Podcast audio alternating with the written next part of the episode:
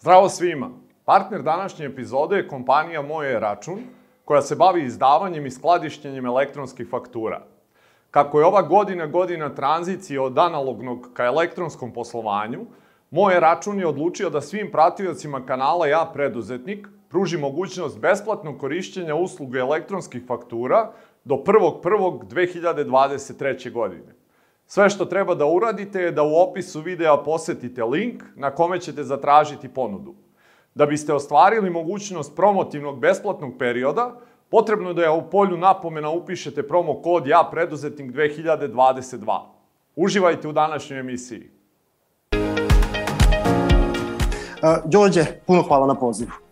Šta da kažem, privilegovan sam, počastovan sam da budem deo ovog konferencije, ove cele priče i, i eto dobio sam priliku da bude neko ko će da uradi uvodno, uvodno predavanje. Iskreno, kad me Đorđe pozvao, očekivao sam da će biti jedan 30 ljudi, da možda neće biti održana konferencija zbog korone, a, a sigurno nisam očekivao da će biti prvi, ovaj, prvi govornik. Tako da, velika odgovornost i potrudit ću se da vam prenesem nešto od toga kroz šta smo mi prošli u stvaranju Infostud grupe. Za početak, struktura prihoda Infostud grupe po načinu naplate u 2020. godine. Ako pogledate, ovo je cela Infostud grupa. Infostud grupa koja vodi internet biznis. PayPal čuveni 0,52%. QR kod koji je skoro krenuo 0,02%. Postfin fascinantnih 3,17%. Kredite kartice, neverovatno dva puta više nego Postfin u Srbiji. SMS 1,68%, plaćanje pozećem 9,68% i klasična uplata po fakturi 77,38% naplate naših prihoda u 2020. godini. Kad smo 2000. pokrenuli internet sajt, internet biznis, apsolutno smo očekivali, ko većina naših vršnjaka koji su ulazili u digitalni biznis, da će to biti na klik. Napravit ćemo proces, sve će biti na klik, sve će završavati kreditnim karticima a, i, i faktura, to nam nije bilo u nekom planu, u razmišljanju, u mentalnoj viziji. I to se granala ekipa. Puno ljudi je kukalo zašto u Srbiji nema Paypala, a mi smo krenuli da radimo onako kako je tržište od nas tražilo i očekivalo, kupili smo faks, počeli da štampamo fakture i da šaljemo fakture. 20 godina posle, nisu to više faksovi, pričamo o elektronskim fakturama, puno toga se ide putem sajta.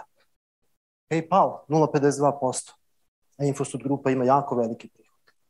Nismo čekali da se stvore okolnosti, nego smo se prilagođavali tržištu i gradili biznis prema biznis pravilima, a ne prema željama i razmišljanjima o internetu. To je prva poruka koju bih da kažem za početak. Internet biznis je prvo biznis, a tek onda internet. I to vazi za sve vaše biznise koje imate ili počinjete. Da li ste u pekarskoj industriji, bodnoj industriji, trgovini, ugostiteljstvu. Svuda važe biznis pravila, preduzetnička pravila, menadžment pravila, prilagođena oblasti u kojoj jeste.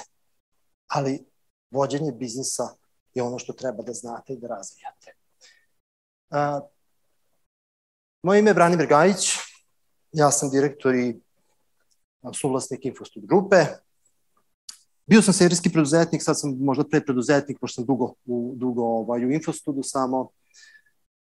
Penjem planine, one blaže, uh, jašem, trčim polumaratone, gurman sam, hedonista i od skora otac dvoje male dece. Uh, E sad, kad sam ostao otac male, male dece, uglavnom one druge stvari što sam pomenio više ne postoje u toliko meri. Sad sam otac dvoje male dece i trčim ovaj polumaratone ili, mar, ili trke u duetu zajedno sa čerkicom Ana.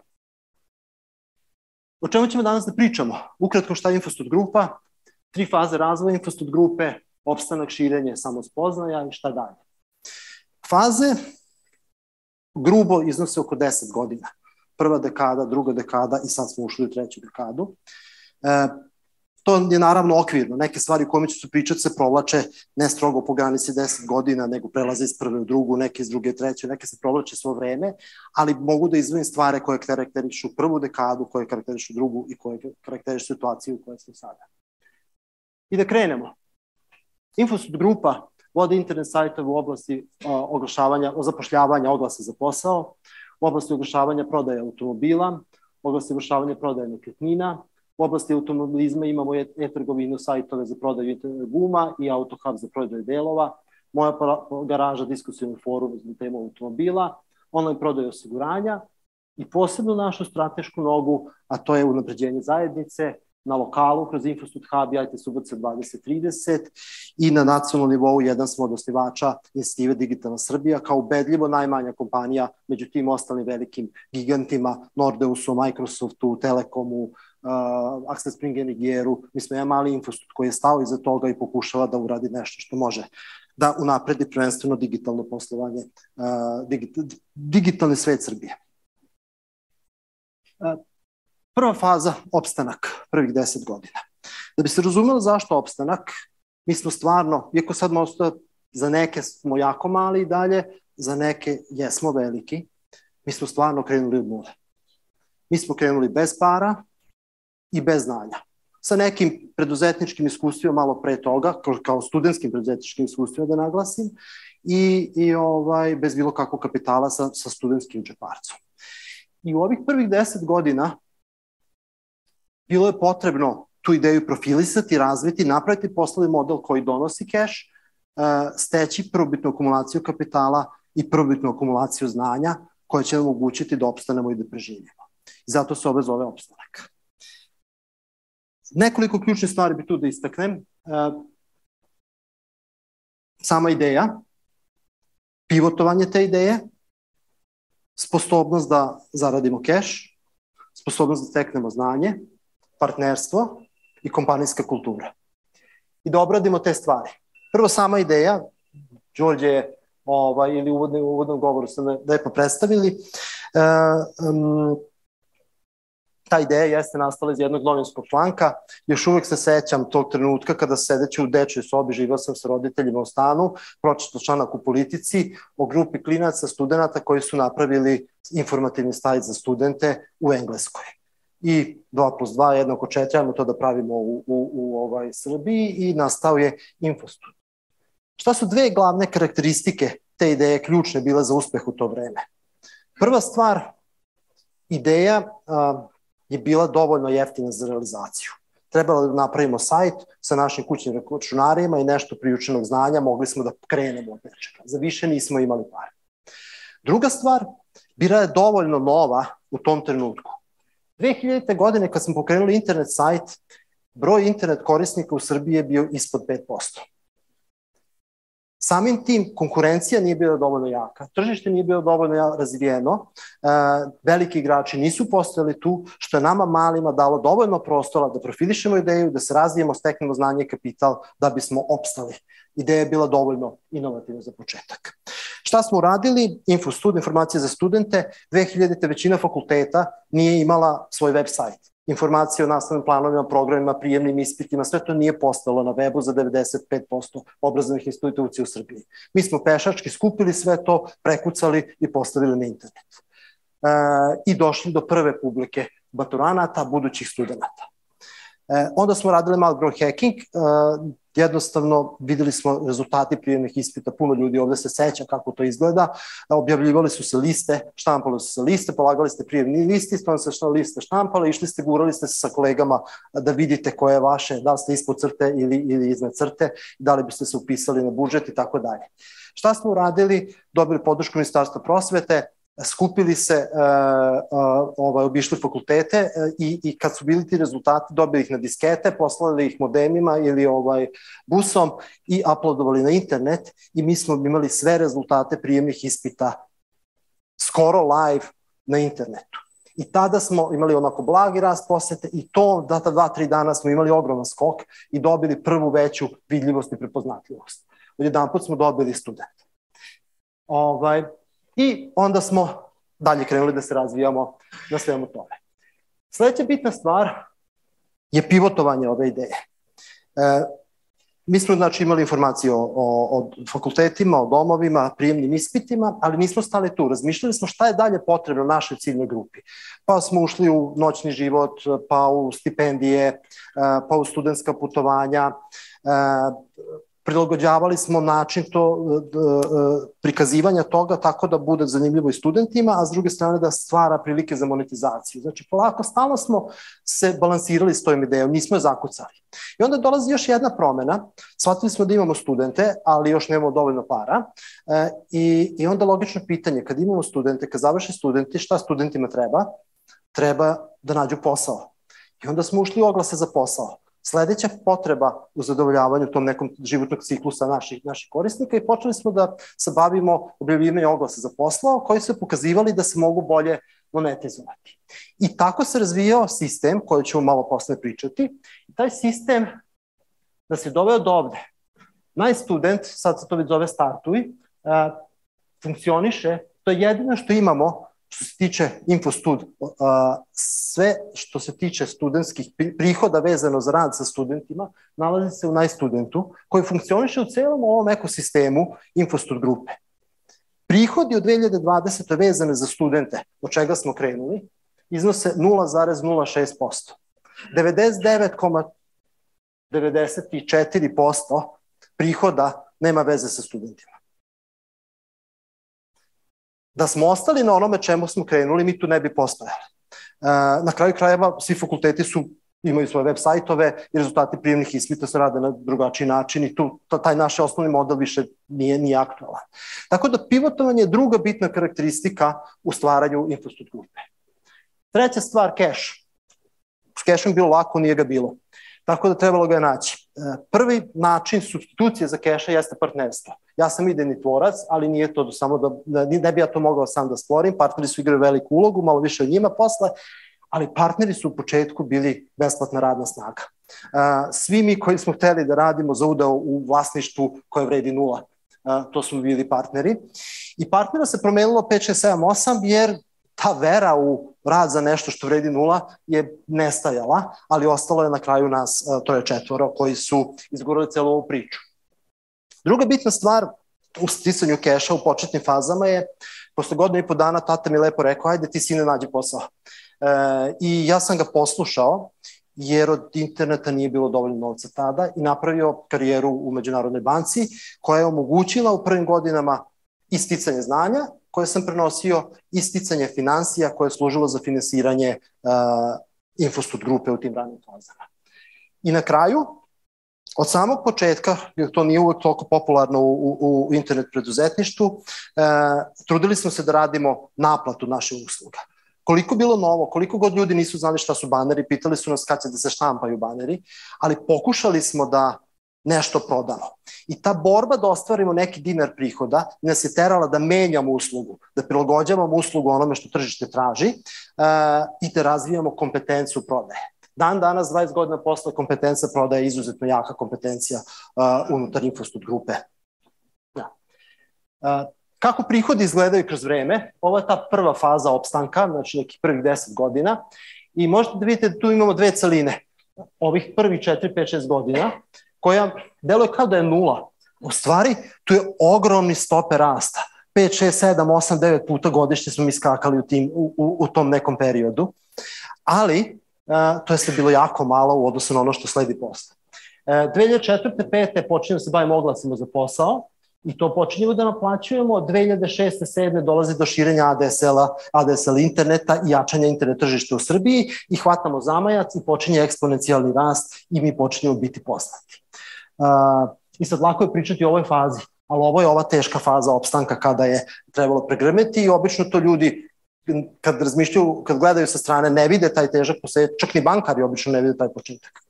E, ovaj, tako da ovako izgledala taj neka naš finansijski rast uh, u, u, u, prvim, uh, u prvim godinama. Uh, posle keša, teo bi da istiknem slovo T. Šta slovo T simbolizuje? Vrstu ljudi koji želimo da vidimo da rade za infostud. Simbolizuje karakteristike znanja. Stubac slova T simbolizuje visoko stručnu specializaciju u nečemu što je osoba ekspert i treba da bude ekspert. A kapa slova T simbolizuje širinu pogleda, širinu znanja, interesovanja, hobije. Za programera je možda stubac, za stubac da je vrhunski programer za baze podataka, a širina je da ima i komunikativne sposobnosti, da ima hobije, da ume da se zainteresuje za automobile, što je njegova oblast. Šta god, što ga bolje čini kvalitetnim članom tima i omogućava da se lakše uklapa i daje veći doprinos. Česta greška preduzetnika je da podrazumevaju da će se svi ostali razvijati isto kao i vi. Neće. Posao nas, vlasnika, menadžera, preduzetnika jeste da ulažemo i da razvijamo ljude. I to je nešto što smo od početka uboli kako treba. Nismo imali puno para, pa smo uladali nešto na internetu učili i čitali, pa smo pričali o tome. Transferisali smo znanje iz banke e, gde sam radio. E, Čim smo stekli nešto keša, slali smo ljude na jeftine obuke koje su se otvorenog tipa, koje su organizovane. Čim smo imali malo više keša, pravili smo in-house obuke, pa do ozbiljnih stručnih konsultanata i na kraju, do, na kraju, na vrhunac je Đorđe. Ovaj, e, tako da, znanje, jako bitna stavka i ulaganje u znanje je nešto što me karakterisalo u početku. E, partneri su i tekako doprili znanju i olakšali tu neku poloznu osnovu. Ovo smo mi. Kolega Stefan, fizičar, sestra Branislava, novinar politikolog i ja bankar. E, kao što vidite, tri jako različite, jako različite obrazovne istorije. To je ono šta smo, šta smo ovaj, e, studirali, ne bavimo se time očigledno. Ja sam se čak i bavio, mislim da ovaj, najviše. I Branislava se nešto malo bavila u ovom segmentu, ali ja sam čak pet godina radio u bankarstvu. E, ovakva različita obrazovna istorija, različite poglede, različiti ljudi su u početku doprineli da imamo bolje ideje, bolje proizvode, bolje stavove. Zato što smo imali stalan sukob mišljenja. Da se ne lažemo, taj sukob mišljenja je znao da bude težak i naporan. Debate, rasprave, svađe, ali zato što smo bili dobri partneri, oni koji su opstali posle onih godina na početka grafa, koji su dovoljno verovali u ideju, dovoljno slični, dovoljno posvećeni, dali smo dodatnu vrednost, dali smo dodatno znanje i brže bolje pomerali napred. Infostu. To je stvarno bio ogroman vetar u leđa. To znanje, drugačiji pogled. Stvarno mislim da ljudima koji su samostalni vlasnici preduzeća je teže.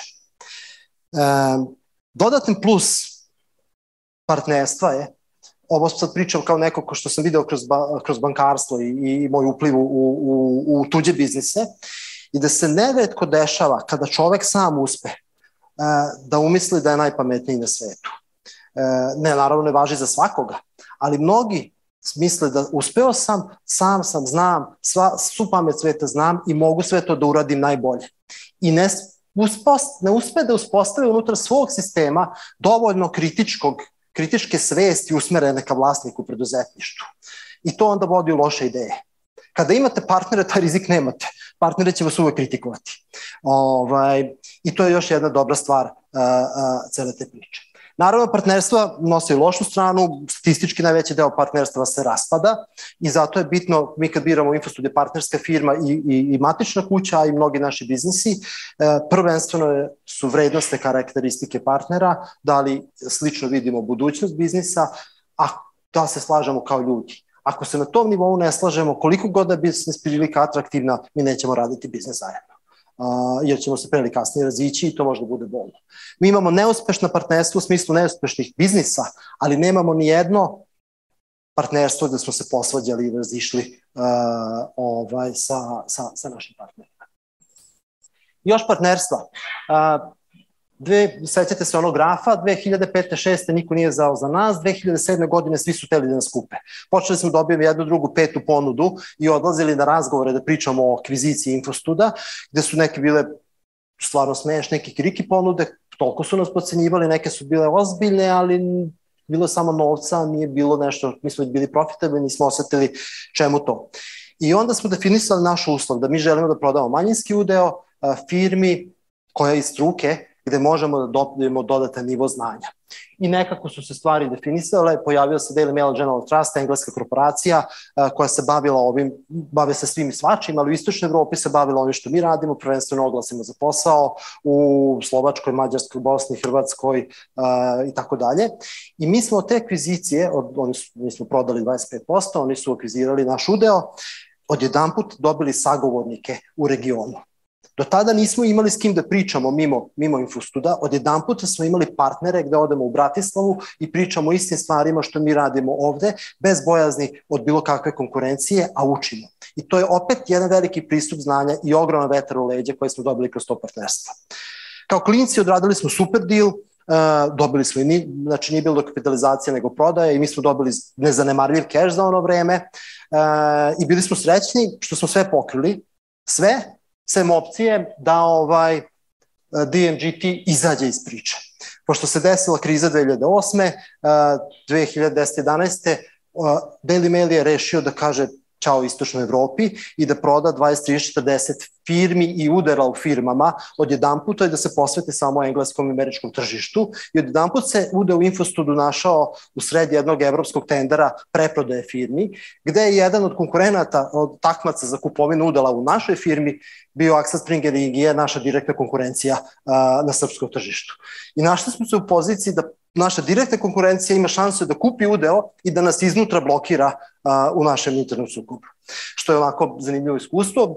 Malo sreća i hrabrosti a, pogurali smo da se to ne desi i dobili smo novog partnera 2012, Alma Media International, finsku korporaciju koja a, se bavi istim stvarima, izlisa na berzi u Helsinkiju i ono što je bitno, za razliku od Engleza, Finska je mala država i Fincima je tržište istočne i centralne Evrope i tekako zanimljivo i ostali su posvećeni partnerstvu i saradnji od 2012. E, na ovamo. Iskreno da budem, kao i svako partnerstvo, ova korona nas je malo udaljila, moramo to da reaktiviramo, e, da, da, da, da ovaj, uspostavimo ponovo kontakte. To je partnerstvo i za kraj ove prve e, faze kultura. E, sve što radite u početku pokretanja firme utiče na, na, na kulturu koja ćete postaviti i koja će ostaviti traga na budući rad i buduće poslovanje vaše, e, vaše firme. Sve ove stvari koje sam pomenuo utiču na kulturu, ali ja bih da izdvojim još nekoliko. Prvenstveno to je plan. Plan, plan, plan u bilo kom obliku, ali da krenete da pravite planove za sve što radite. E, ja imam jedan veliki Excel koji užašava neke moje e, bliske ljude u kome pišem sve moje ideje koje mi padnu na pamet, da će se desiti jedan puta u životu, pa iz toga jedan puta u životu sužavam na narednih pet godina, pa u narednih godinu i onda pravim operativni plan kojem polako teži. I to je delovalo onako jako, ovaj, mislim, tamo svašta ima, popeti ovu planinu, naučiti ovaj jezik, roniti, mislim, e, leteti u svemir je isto na toj listi. E sad, da li će se to desiti, ne znam, ali svašta tamo piše. Ali pošto piše, ja o tome prolazim i maštam puno toga i, i pretašćavam u, plan, u realizaciju, nekako puno toga se i desi. E, moj savjet svima i naši, mi smo stalno pravili planove, e, ovaj, bitno je da se napravi neki plan, koji god, da krenete, vidite šta se desilo, vidite realizaciju, promenite plan, opet realizacija, ponovo plan. Ali pravite planove. To nije outdated stvar, to je tekako bitna menadžerna stvar koja je izuzetno aktualna. Kad malo izrastete, metodologija koju mi koristimo savjetujemo je Google Objective Key Results, ciljevi ključni rezultati, metodologija koju je razvio čini se Intel, a najviše promovisao Google posle.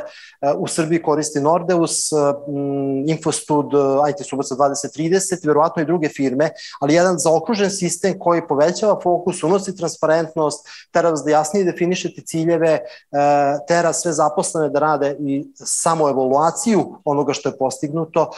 Evo ga link, dobit ćete prezentaciju, možete da pogledate malo više ukoliko se interesuje ovaj, nešto na tu temu. I ovaj, Još jedna stvar, probajte jako da stignete stesnete šaku. Baš jako. I ako jako držite stegnutu šaku, vrlo brzo ćete morati da je pustite. E, ako pokušate da stegnete blago, mnogo drže možete da držite stvari pod kontrolom. E, greška a, preduzetnika je vrlo često da pokušavaju prečesto drže stvari pod kontrolom. E, da ne kažem mikromanagement, ali da sve kontrolišu, da, se, da, da, da, da, da vide sve detalje, da se sve mešaju, jer znaju bolje od drugih. To je istina. ali mora se da se gradi sistem kako bi se stvari spuštale dole. E, jaki ljudi dole vas dižu gore. Jedan sistem delegiranja i spuštanja, kakav god je kad ste preduzetnici, ali odmah treba da krenete da spuštate dole. Dva principa koja ja tu volim da kažem je uh, ne treba da radite stvari koje najviše volite, nego stvari u kojima ste najteže zamenljivi. I druga stvar, svaka stvar treba da bude urađena na najnižem mogućem nivou koji ima znanje, sposobnost da to uradi, a ne na višnem hirarhijskom nivou koji ima želju da se time bavi. I za kraj biti fair, Infostud je fair. E, kroz vreme poznali smo kao kompanija koja je fair, koja je fair prema zaposlenima, prema kupcima, prema dobavljačima, prema svim zainteresovanim stranama. To je poslala naša prepoznatljiva vrednost, pored drugih vrednosti koje su sada, malo smo korigovali, e, no nije ni bitno koje su vrednosti. Fair smo. E, čemu služe vrednosti? Vrednosti u preduzetništvu najčešće potiču od osnivača preduzetnika koji svoje lične verovanja kako preduzeće treba da funkcioniše pretače u način donošenja odluka, kako se seče ovo, kako se radi ono, iza nekih verovanja koje preduzetnik ima. E, u početku dok ste mali, ostali oko vas gledaju od vas šta vi radite, kako radite i preuzimaju to od vas. Međutim, kako rastete, sve manji broj ljudi će vas lično znati i neće znati šta je vaše želeno očekivanje i ponašanje od njih. I zato od početka treba ta vaša logiku, principe donošenja odluka rada pokušati kodifikovati, staviti na papir, definisati principe koje polako prerastaju u vrednosti. I onda one žive kroz celu kompaniju i lakše vidite među vašim kolegama da se ponašaju onako kako biste vi očekivali od njih da se ponašaju.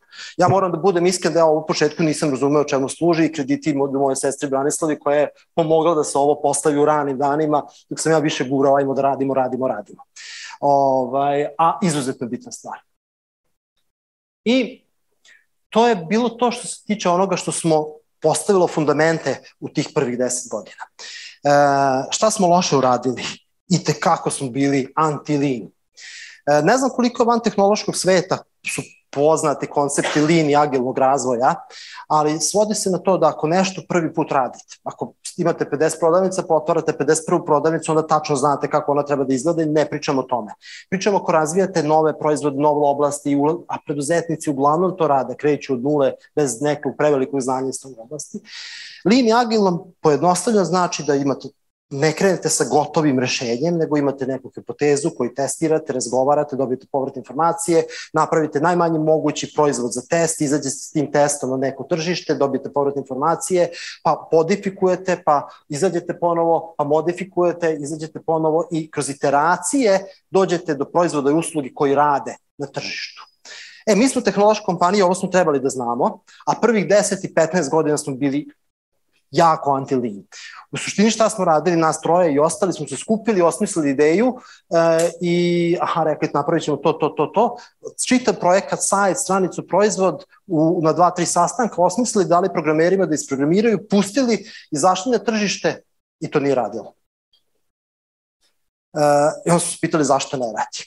E, naj, možda bolji primer anti-lean onoga što smo radili, imali smo jednu trenutku putovanje info, to je oglašavanje, B2B biznis je bio.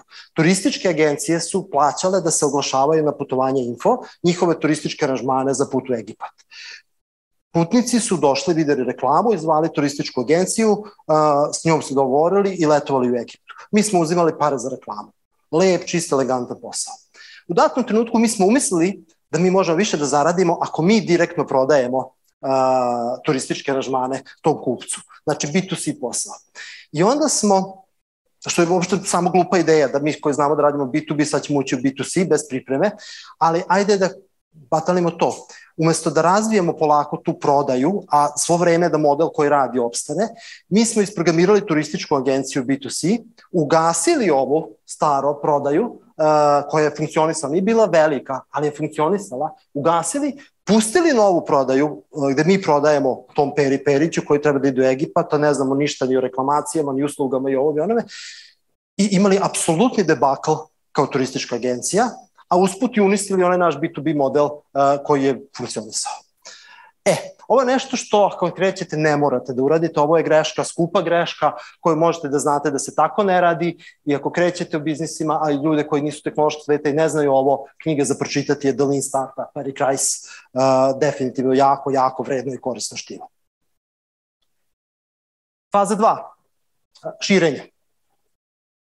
Posle faze 1 ukumulirali smo neku količinu keša i stekli smo neku, neko znanje o ljudima, o vođenju biznisa, o tržištu.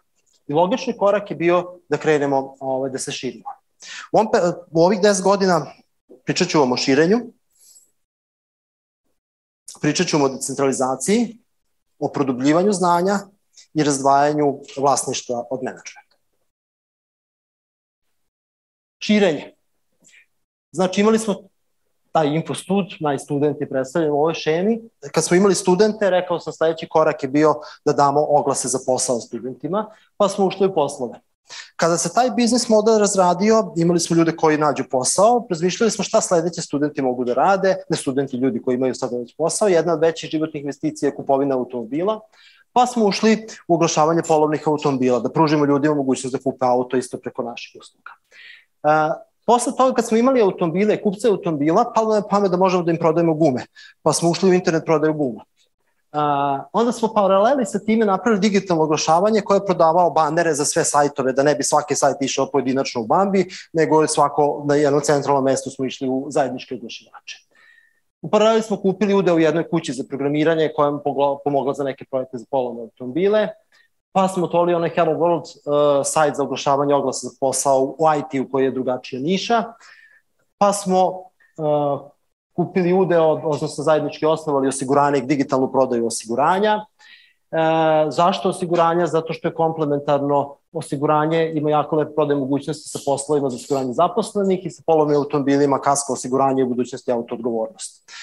E, I ušli smo u četiri zida, oglašavanje nekretnina kao sledeća velika investicija a, koju našim korisnicima želimo da ponudimo, mogućnost da kupe nekretninu preko nas, osiguranje isto je vrlo aktualno kod osiguranja nekretnina. Tako da je jedna dosta komplementarna priča. U paraleli smo počeli kako smo rasli da ulažemo u zajednicu, otvorili smo coworking event centar, u, uh, centar za dešavanje u Subotici, učestvovali smo u Subotički IT klaster, kupili udeo manjinski u sajtu Polaza koji se bavi digitalnom prodajom e, autobuskih i voz, voznih karti, e, napravili malo odeljenje za rad sa podacima, pošto počinjemo da rastemo, budemo veliki, kupili udeo u Kroačovoj školi koja se bavi online prodajom, prodajom, razvojem prodajom online kurseva, i zajedno sa onim kompanijama koje sam pomenuo osnovali inicijativu Digitalna Srbija sa ciljem da, da unapredimo digitalni svet ovde kod nas. E, kupili smo i ude u Radi za Radi, malo biznisu koji se bavi e, marketplace e, kućnih poslova. Prošle godine smo ušli u Auto Hub, internet prodaju rezervnih delova i osnovali IT Subotica 2030 zajedno sa još 5-6 ovaj, IT firmi u Subotici sa ciljem da od Subotice napravimo IT centar E, prepoznat pod specializaciji za digitalnu transformaciju i IT centar koji može da parira, ne da pobedi, ali može da parira Beogradu, e, Nišu i Novom Sadu. Jer mislimo da je jako bitno da Srbija ne ostane na ova tri velika grada, nego da se IT tehnologija iskoristi, da se podstakne razvoj i drugih uh, drugih sredina unutar Srbije. I imamo još jedan projekat X koji se s razlogom zove projekat X. Uh, ovaj, sve u svemu, ovo je put do grupe, e, kako je Đorđe najavio, da, da, da e, smo krenuli kao malo prezetnička priča i mi sad stvarno jesmo grupa. Jesmo neka vrsta holdinga, do duše mnogo manje od Delta holdinga, ali jesmo neka vrsta holdinga koja funkcioniše s puno različitih oblasti. Naravno, taj put nije bio bez neuspeha i njima, moram da kažem, ne da se ponosim, ali, ali, ali mi je drago da ih vam predstavim, da smo pokušali da napravimo pandan Facebooku zujenja i nismo uspeli.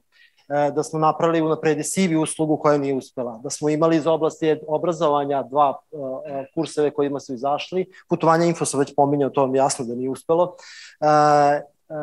prijemni infostud je prevaziđen poslovni model, probali smo jednu vrstu oglašavanja za posao poslovnaut i probali smo da napravimo tezgu, to je neka bočna paralela kupujem prodaje. Sve su ovo proizvodi, usluge koje smo probali, uložili puno para i vremena i koji nisu uspeli, iz njih smo izašli. Dve bitne stvari su vezano za ove neuspehe. Prvo, sorry, korka. Svi su oni imali neku svoju logiku zašto smo ušli i imali su neku ulogu e, i doprineli su neči. Bitne stvari koje su iznad toga je i svih smo izašli pre nego što su postali preveliki problem da nas povuku dole i druga stvar, nismo ih nikad gledali na, na problem, nego na školu. E, e, šta iz njih možemo da naučimo i kako da budemo bolji. E, u ovoj vrsti biznisa težnja ka perfekciji ne mislim da je, da je najoptimalnija. I tu kažem, mislim da je za preduzetnike pogotovo uh, jako bitno da imaju taj naučni pristup, uh, naučno-istraživački pristup neuspehu, jedan lep članak koji se nalazi ovde koji možete da pogledate. Zamislite jednog hemičara koji radi na istraživanju nekog biološkog, hemijskog, medicinskog, evo, korona, vakcina, radi pa meša sastojke pa pravi jednu, drugu, petu. Da li očekujete da će iz prvog puta da ubode dobitnu smesu? ima jedan pokušaj, drugi 5000 pokušaja koji mnogi ne uspeju. Neki imaju male pomake i možda na kraju jednom nešto uspeju. Šta bi bilo ako bi oni odustajali posle prvog ili petog pokušaja? Taj naučni pristup neuspehu mislim da je jako bitan da se prenese u biznis. Da ono što ne uspemo nije problem. Problem je ako je nemara, nehata, ali ako je u najbolju nameru da uradimo nešto dobro, I ako smo iz toga nešto naučili, onda to nije problem, to je škola. E, pošto ste videli da smo iz jednog biznisa napravili jednu grupu biznisa, jako bitna stavka u, u, ovom, u ovoj fazi je decentralizacija. E, mi smo mogli dok smo bili mali da upravljamo onako dosta centralno, iako smo spuštali odgovornost do, na, na nizak nivo, ali smo imali dosta centralnih odeljenja, jer smo na centralno odeljenja samo po sebi su nosili niži nivo troškova. Ali ovako heterogeni nivo aktivnosti, rad sa dilerima polovnih automobila, možete da pretpostavite da se jako razlikuje sa, u odnosu na rad uh, sa HR-ovima velikih kompanija ili u odnosu na prodavce osiguranja. Tako da to je puno različitih poslovnih modela i to nije bilo moguće da se vodi centralno i započeli smo jednu veliku organizacijonu decentralizaciju i u ovih periodu, ovih 10 godina, godinama je to trajalo, 5-6 godina, mi smo spustili i izgradili management za svaki od ovih biznisa. Svaki od ovih biznisa ima svoju prodaju, svoj marketing, svoj PR, svoj tehnološki razvoj i to je bio skup proces, i povećaju troškove kompanije mnogo e, značajno, ali smo dobili brzinu reakcije na tržište. Dobili su mnogo bolje poznavanje tržišta. Dobili su mnogo adekvatniji razvoj svih tih uh, usluga i proizvoda koje imamo unutar naše grupe. Uh, To je naravno pratila ne samo ljudska organizna decentralizacija, nego uvođenje ERPA, decentralizacija izveštavanja i kompletnog sistema koji mora da prati takav razvoj e, ako želite da postane decentralizovana grupa. Treća stvar u koje karakteriše ovih 10 godina je produbljivanje znanja. U prvih 10 godina smo naučili osnovno rad sa ljudima i u tržištu, ali kako smo imali više novca, počeli smo dubinski da ulažemo u to, da spoznamo šta su karakteristike naših poslovnih modela. I postali smo biti redovni gost na ovim konferencijama koje se bave na svetskom i evropskom nivou, oglašavanjem prodaje automobila, oglašavanjem oglasa za posao, online market, oglašavanje nekretnina, e, uopšte oglasnicima kao, kao, kao in general, digitalnom prodajom osiguranja. To su velik, izuzetno skupe, uh, izuzetno. Na to smo trošili 10, 15, 20 hiljada eura, 30 hiljada eura godišnje na kotizacije, puteve da odemo tamo, ali ne samo uski krug iz top managementa. Za seniore to jeste bio prilika da grade networking sa pirovima iz ove struke, ovo što Đorđe pokušava da napravi sa ovde sada. Mi smo to radili na nekom evropskom nivou, dobili smo jak sagovornike iz desetina država, a, a za mediore koje smo slali, bez obzira što to bilo skupo ulaganje, to je njima bilo otvaranje prozora u svet i ogromna šansa da vide kako se nešto radi u Nemačkoj, u Italiji, u Litvaniji, u Kini, u Pakistanu. Sajt za oglašavanje nekretnina u Pakistanu, Panda našem četiri zida, ima 2000 zaposlenih. Ja sam pao, ovaj, ostao za bezeknu kad sam čuo. O prihodima da ne pričam, kompletno odeljenje za veštačku inteligenciju u Pakistanu. To čovek ne može dok se ne susretne s time da, da, da, da, da, da zamisli da nešto postoji. Tako da, jako produbljivanje i sticanje dubinskog stručnog znanja je karakteristilo ovaj period. A, a kako je to izgledalo u prihodima? Ako sećate onog eksponencijalnog rasta iz prvih 10 godina, evo ga sad produžetak te krive, I opet imamo dva perioda. Prvi period kada smo radili investicije, širenje i decentralizaciju, gde imamo niže stope rasta i kada su te a, promene počele da daju te neke rezultate, dolazimo do, do ovaj, ubrzanja i jako lepog rasta koje je kulminiralo 2018. godine. E, zadnja stvar koja je bitna a, za, za ovaj period jeste razvajanja vlasništva menadžmenta od kontrole i upravljanja. To je mnogim preduzetnicima onako nepopularna tema, jer je teško zamisliti da vi koji ste sve to stvorili niste vi koji ćete do kraja upravljati ovaj, sa time, ali jeste jako bitno. Prvo da razjasnimo šta to znači. E, to znači da moj službeni automobil i moj službeni laptop, ja nisam vlasnik toga. Vlasnik toga je Infostru 3 DO. Ja, Branimir Gajica, vlasnik 37,5% Infostru 3 DO ja upravljam sa mojih 37,5%. Mogu da odlučim šta hoću time da radim. Da prodam, u ime toga mogu da utičem na postavljanje menadžmenta. A menadžment kompanije upravlja sa imovinom preduzeća i u određenim ciljevima. E, I ti ciljevi mogu da se dogovore šta su, šta želimo da se postavimo. Ali menadžment upravlja sa materijalnim resursima, sa nematerijalnim resursima, sa novcem uh, u svrhu posađaja određenih ciljeva. Ja kao vlasnik mogu da imam dodatne ciljeve, da postavljamo pravac i neku misiju šta želimo da kompanija uradi. Naša je, naša je želja da Infostud doprinese u razvoju društva, da bude fair. I takve stvari možemo da ostavimo u amanet, ali na menadžmentu je da stvori poslovne rezultate u narednom periodu. Ta struktura se gradi obično kroz neki upravni odbor, menadžment i zaposleni koji su svi u nekoj meri imaju neki uticaj na kontrolu i na stvaranje e, ovaj, rezultata. Zašto je to bitno? Zato što svojina je neotuđiva. Moji 37,5% je moje i, i, i to je nepromenljivo. I ako dođe do nekog sukoba mišljenja uh, unutar kompanije, ako se zaposleni raspravlja menadžer, moj zamenik, raspravlja direktor financija, raspravlja sa mnom kao vlasnikom,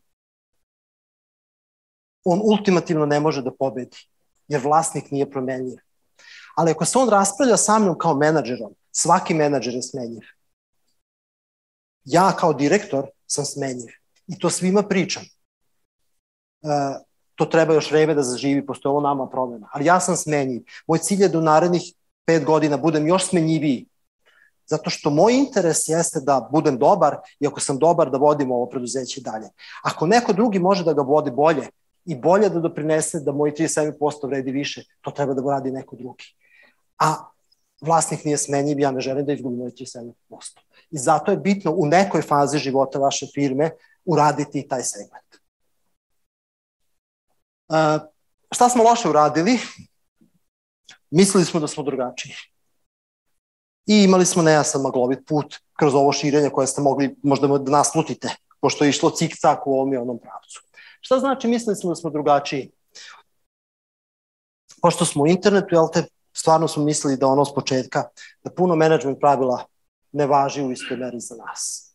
Da je digitalni svet malo drugačiji, da možemo raditi na zabilaznim putem drugačiji. Trošili smo puno vremena na debate oko stvari koje su utvrđene i postoje često dobre prakse i plus nismo imali sagovornike koje sad pokušavamo da stvorimo.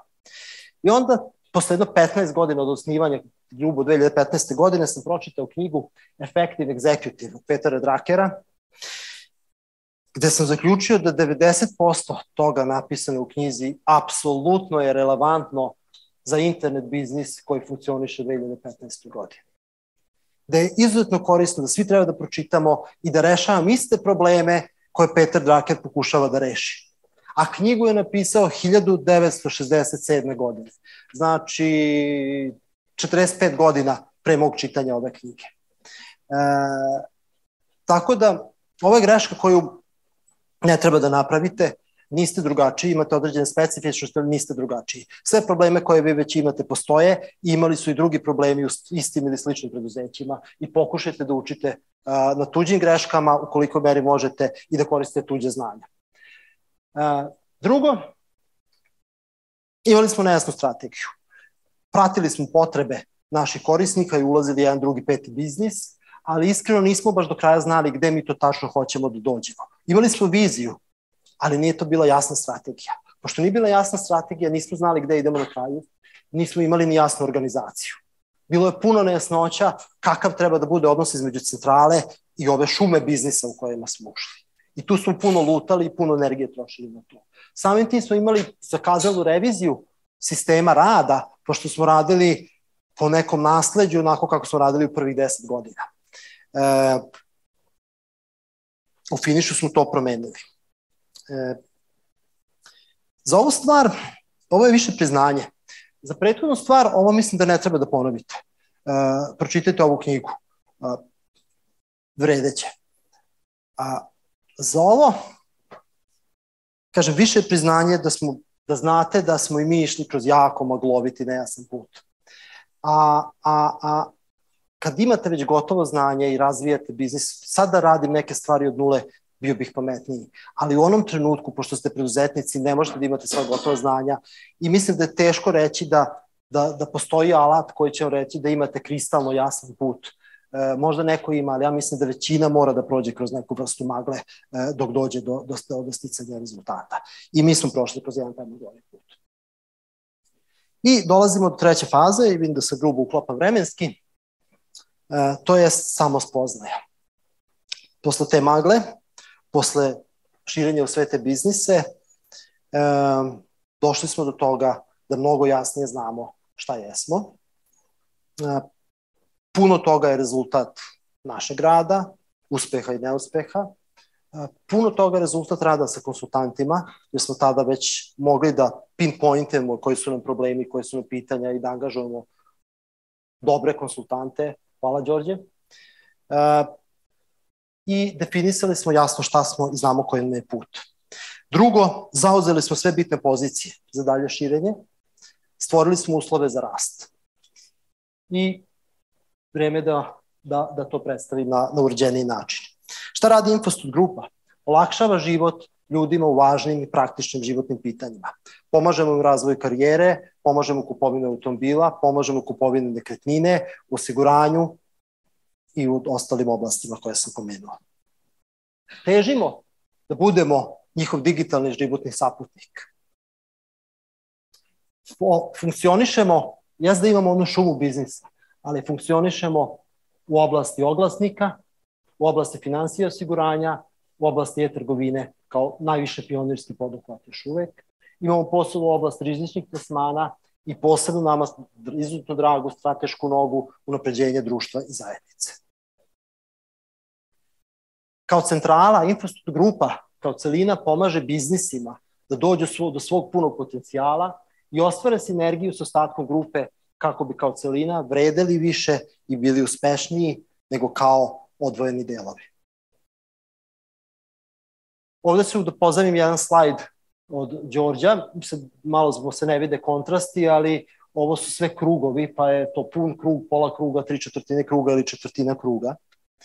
E, uspeli smo da postavimo jasnoću strategije, roditeljske strategije, kako se mi kao korporativni roditelj odnosimo prema našim biznisima, koji nivo centralizacije decentralizacije želimo da imamo. Naši biznisi su različiti. Rad sa dilerima polovnih automobila i rad sa HR-ovima korporacija su jako različite stvari.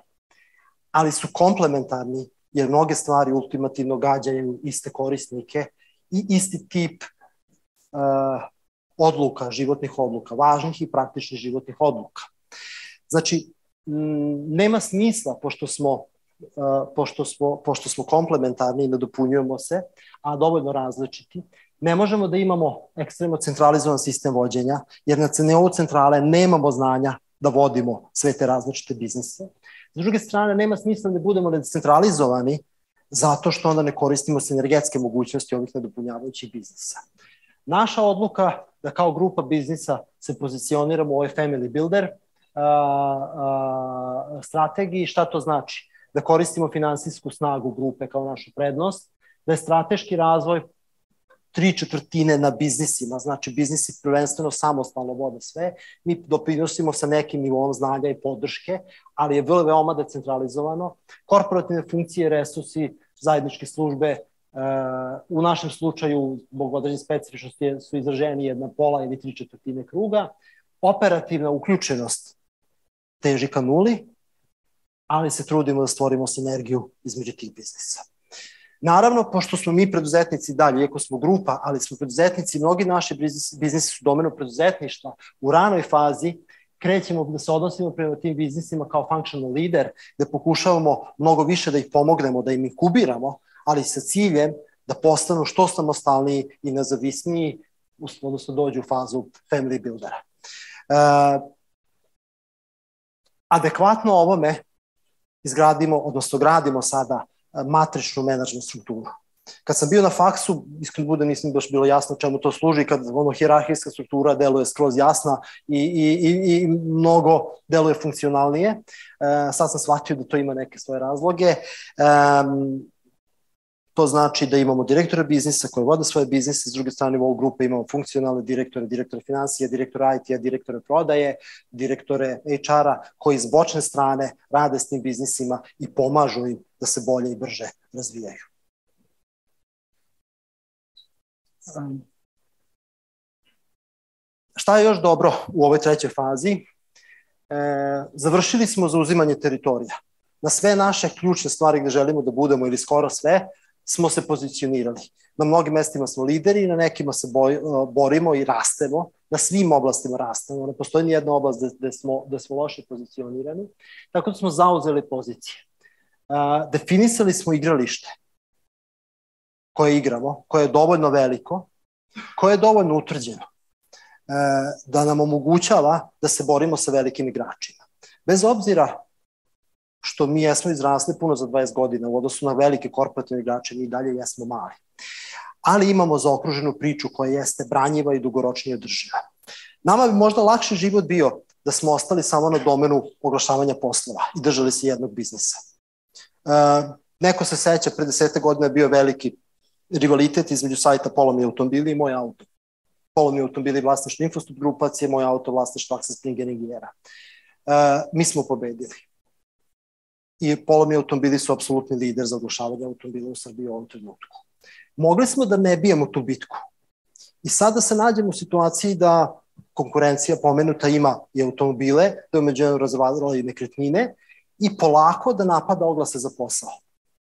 Ovako smo mi se krenuli i širili onoliko, da, pošto su sve to relativno male niše, širili smo se toliko da imamo teritoriju koja omogućava da imamo ekonomiju obima, da imamo dovoljno para da steknemo sve potrebne kompetence. Ja kažem da u ovom trenutku mi jesmo firma koja najozbiljnije zna da vodi oglasnike u Srbiji. E, I samim tim e, da dugoročnije možemo da se nosimo sa velikim igračima. Deo te strategije bilo i ono, bolje se bolje napasti nego se braniti i to ta priča se i dalje nastavlja. Mi smo u, u, u, u aktualnim rivalskim borbama sa puno, sa puno ovaj, igrača na ovom tržištu. Kako prihodi izgledaju? E, prva faza opstanak, druga faza širenje i opet se dešava slično, u stvari možda malo oštri rast, ponovo, ponovo se desila kriza kao što smo imali 2009. 2008 e, onu finansijsku globalnu krizu. E, tako korona je malo usporila e, e, prihode u onih par meseci da je tržište faktički bilo zatvoreno, ali smo uspeli jako lepo da završimo tu godinu i ovaj, sad je već imamo rezultate iz oktobra, tako da vrlo izvesno možemo da kažemo kako će izgledati 21. godina. Vratilo se na neki 20-25% godišnjeg rasta, ako poredimo 19. 20. 20 prva godina. Tako da rast se nastavlja, ali lepota priče je što smo ponovo u kvalitetnim infrastrukturnim e, organizacijnim promenama. A, I mnogo jasnije znamo gde želimo da odemo. Ako uradimo te promene u naredne 3, 4, 5 godina, ja se nadam da će ova kriva u suštini opet izgledati ravno i da u narednih posle pet godina čeka nas još jedan veliki eksponencijalni skok u prihodima Infostor grupe. Šta su opasnosti ili, ili, ili negativne strane ove priče? Infostud grupa je jako kompleksna. Mi stvarno jesmo holding i mi stvarno imamo puno poslovnih procesa plus poslovnih modela sa relativno malim nivom prihoda. Namerno sam izostavio prihode da ne bi odlačili tu e, stranu, zato što poenta su ovi principi o kojima sam pričao, ne novac, ali da steknete reda veličine, u oktobru, eto i malo da se pohvalimo, prešli smo prvi put milion eura mesečnog prihoda u uslugama. Znači ne u prodaje robe, nego u prodatim uslugama. Što je za neke i dalje jako malo, ali za mnoge to više nije nezanemariv prihod. E, ipak, To je daleko od prihoda, na primjer, Delta Holdinga, pominjem ga zato što će biti gost posle, e, ovaj, a imamo relativno uporedivu sad strukturu, mi jesmo holding. Druga stvar, naša industrija zahteva jako veliki nivo konstantnih promena, zato što se tehnologija i ponašanje korisnika na internetu drastično menja. Važi to se sigurno za mnoge druge industrije, ali recimo moj osjećaj stomaka da nije u tolikoj meri u pekarskoj industriji možda grešim, ali rekao bih da nije. Kod nas Facebook menja navike naših korisnika, Google menja navike naših korisnika, mobilni telefoni menjaju navike naših korisnika i to se sve dešava jako brzo i mi smo po konstantnim pritiskom da učimo nove stvari, da primenjujemo nove stvari i da, da, da se menjamo adekvatno. E, I to je, s jedne strane, u tome smo dobri. I to je možda još jedan onaj rov oko onog zamka koji služi za odbranu. Zato što zahteva vrlo puno specifičnog znanja i teško je ući u našu nišu na ovako, jedan, na ovako veliki nivo. I imamo globalnu konkurenciju. Imamo lokalnu konkurenciju koja je nezanemarljiva, direktna konkurencija su mm, ovaj, svega, svi prodavci osiguranja, kao oglasi, nekretnine RS, bočna konkurencija su kupujem, prodajem sa Somange, ali globalna konkurencija za naše poslovne modele su LinkedIn. Iza LinkedIna stoji Microsoft globalna konkurencija su na Facebook Jobs, globalna konkurencija su postavi za oglašavanje tražim radnika na Instagramu. E, tako da se mi borimo sa velikim divovima koji utiču na globalno e, način razmišljanja naših klijenata i mi moramo da nađemo neko mesto u tome. Ipak, dobri smo i mislimo da, da imamo ovaj, ovu jako lepu poziciju koju možemo da branimo u narednim godinama. I šta je dalje? Pošto smo se utvrdili, pošto imamo znanje, u narednih 10 godina, pošto imamo teritoriju na kojoj igramo, nije nam cilj širenje te teritorije, cilj je produbljivanje, e, dalje sticanje znanja, dalje napređenje organizacije, kapilarizacija i maksimizacija prihoda u narednih 10 godina iz postojećih oblasti. Jer u nekom trenutku morate da stanete ovaj, sa širenjem i da se posvetite do kraja sređivanjem postojećih modela, da učvrstite temelje. E, to je što se tiče budućnosti kompanije za narednih 10 godina. Za kraj bih rekao, ja volim da citiram Jack Ma, on ima teže sad da pustim klip, ali kaže šta ljudi treba da rade u 20. 30. godinama, u 40. godinama ste na vrhuncu snage, tu treba da se bavite onim u čemu ste već dobri i da se da postignete najbolje rezultate. Ja sam u 40. godinama, imam plan sa kompanijom do 2030. godine, tada ću biti u 50. godinama. Jack Ma kaže u 50. godinama vreme je da se okrenete mlađima, da prepuštate, da ulažete u njih, da učite, da oni vuku i vuku dalje posao. U 60. godinama vreme je za plažu. Ovo, ja se tamo vidim. Eh, hvala vam na pažnji.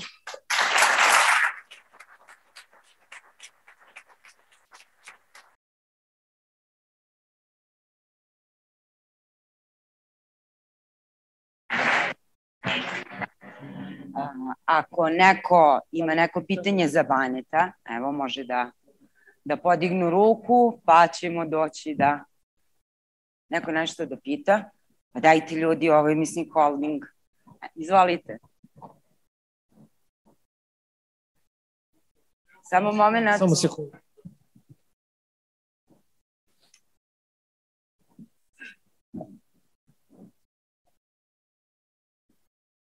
Eh, kada ste rekli konkurencija sa sajtom Moj auto, eto ukratko ako može da se objasni kako ste to pobedili, da kažem, tu bitku.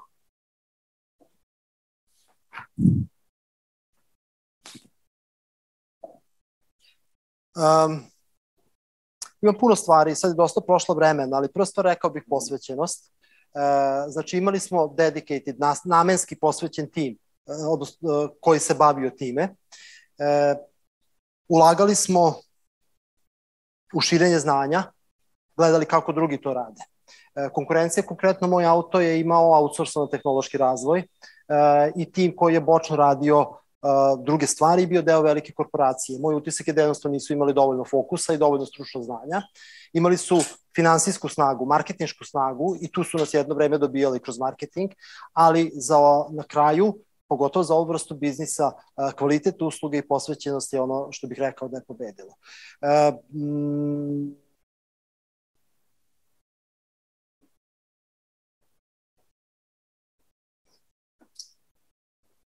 Znali smo šta radimo. E, mnogo smo kvalitetnije, e, akcenat nije bio na prosto marketingu, nego na kvalitetu usluge.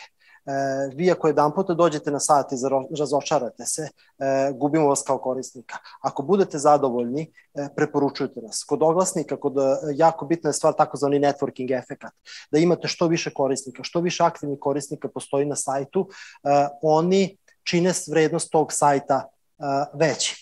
E, za pipeline biznise to nije karakteristika. U prodavnici guma, da li će neko kupiti jednu gumu ili pet guma ili pet hiljada guma od nas, to ne utiče na druge korisnike. Isti je kvalitet usluge. Međutim, što više imate oglasa za uh, automobile na sajtu polovni automobili, to, ta, ta uslu, taj sajt vredi više svima vama, uključujući onima koji kupujete i koje tražite. A mi smo uspeli pre, kroz naše posvećivanje, dođemo do te neke kritične mase, da imamo faktički skoro sve oglase, skoro sve oglase na, na tržištu i, i ta usluga je bila kvalitetna i bila je jeftina. Znači usluga za fizička lica i dan danas je jedan oglas kao vaš prodajete vaš lični auto je besplatna. Znači možete dođete da oglasite taj auto. Ako je to se radi jednostavno, brzo, efikasno, šta konkurencija može da ponudi? A besplatno je.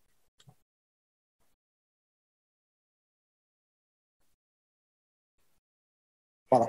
Još neko? Može? Aha. A izvolite.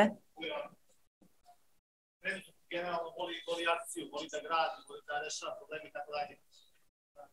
Da ne bude dosadno sa 60 godina na plaži.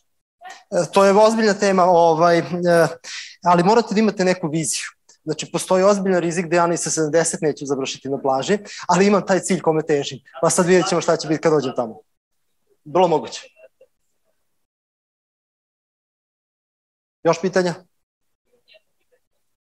Kako biste mogli druge preduzetnike da posavetujete da nastave da vole svoj posao, ali da mogu i da se posvete sebi i da budu zdravi, vitalni kako vi izgledate, jer se ja sećam u Subotici ste me baš direktno vi pretekli sa vašim detetom u kolicima i ja sam ostala impresionirana.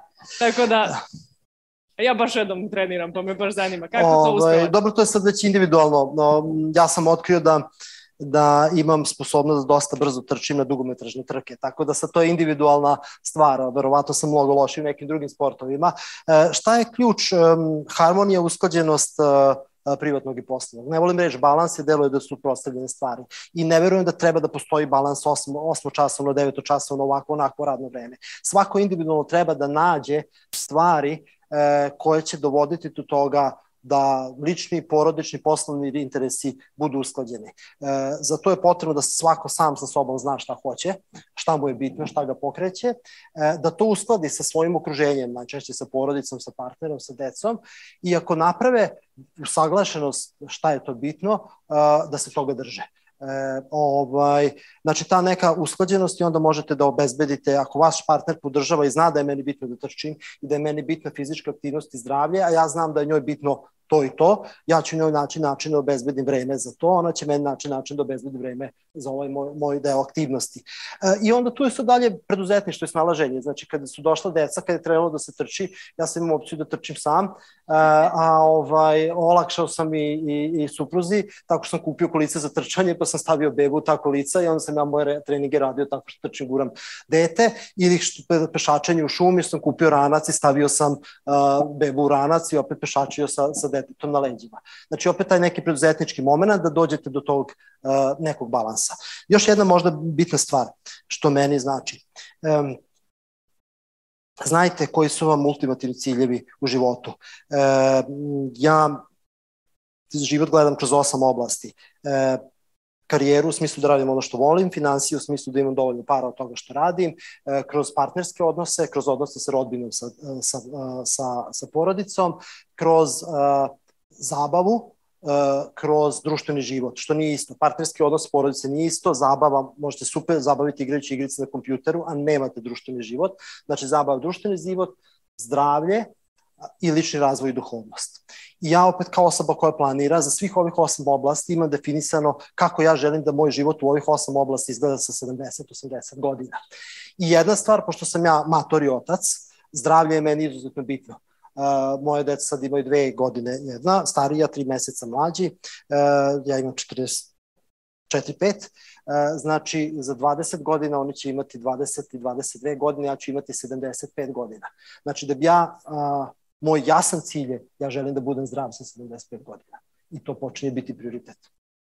Hvala.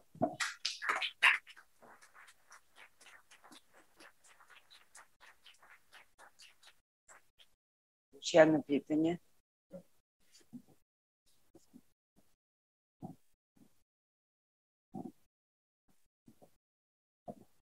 Pre svega moje poštovanje. Ja bih pre 75. da budem na plaži ili 60.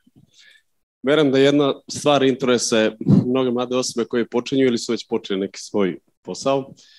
Pošto ste podelili svoje poslovanje u dve ili tri faze, izuzimajući 2010. Da li ta prva faza gde ste zarađivali, ali ne toliko dovoljno koliko u drugoj dekadi, da li ona bila određena time što ste vi kao jedan od tri suvlasnika bili sami u toj firmi a taj rast je počeo vašom srećom da ste imali priliku da neko uloži kapital u vas, pa ste onda počeli da delegirate ljude koji su ispod vas ili ste u fazi kada ste nastajali, bili dovoljno svesni da i u tom trenutku kada nemate dovoljno para delegirate poslove I o, ovo drugo, e, mi kada sam prodali DNML-u, nismo radili dokapitalizaciju. Znači, novac od prodaje nije otišao u firmu. 2007. godine firma već bila dovoljno samostalno i održiva da nama nije trebao novac. Mi smo prodali udeo i mi kao vlasnici smo dobili nešto novca. Znači, to nije uticalo finansijski na, na poslovanje firme. Tada je firma već bila uveliko održiva i profitabilna. E, u vrtnerstvo smo ušli zbog toga da mi dobijemo nešto para i zbog toga dobijemo pristup znanju. To znači da smo svo sve ovo što se pominjao uradili u ovoj ranoj fazi. Mi smo bili krenuli od nule, nismo imali para, ali smo od početka se trudili da gradimo sistem u liniji sa svim onome što sam opisao. Nije to bilo najuspešnije uvek, ali smo težili u tom pravcu. Uh, I delegirali, prvenstveno sami sebi, uh, zaposleni u tom, pazite, mi smo kao grupa studenta krenuli, su bile kolege, prijatelji, prvi ljudi koji su isto radili za jako mali novac, jer smo toliko mogli da, da platimo i radili smo u velikoj meri na entuzijazmu. Kako je dolazio veći novac, mislim, sa svakim rastom novca nismo mi ništa nama isplaćivali. Svaki rast priliva je išao u plate svim zaposlenima i polako postepeno smo gradili te ljude i sistem.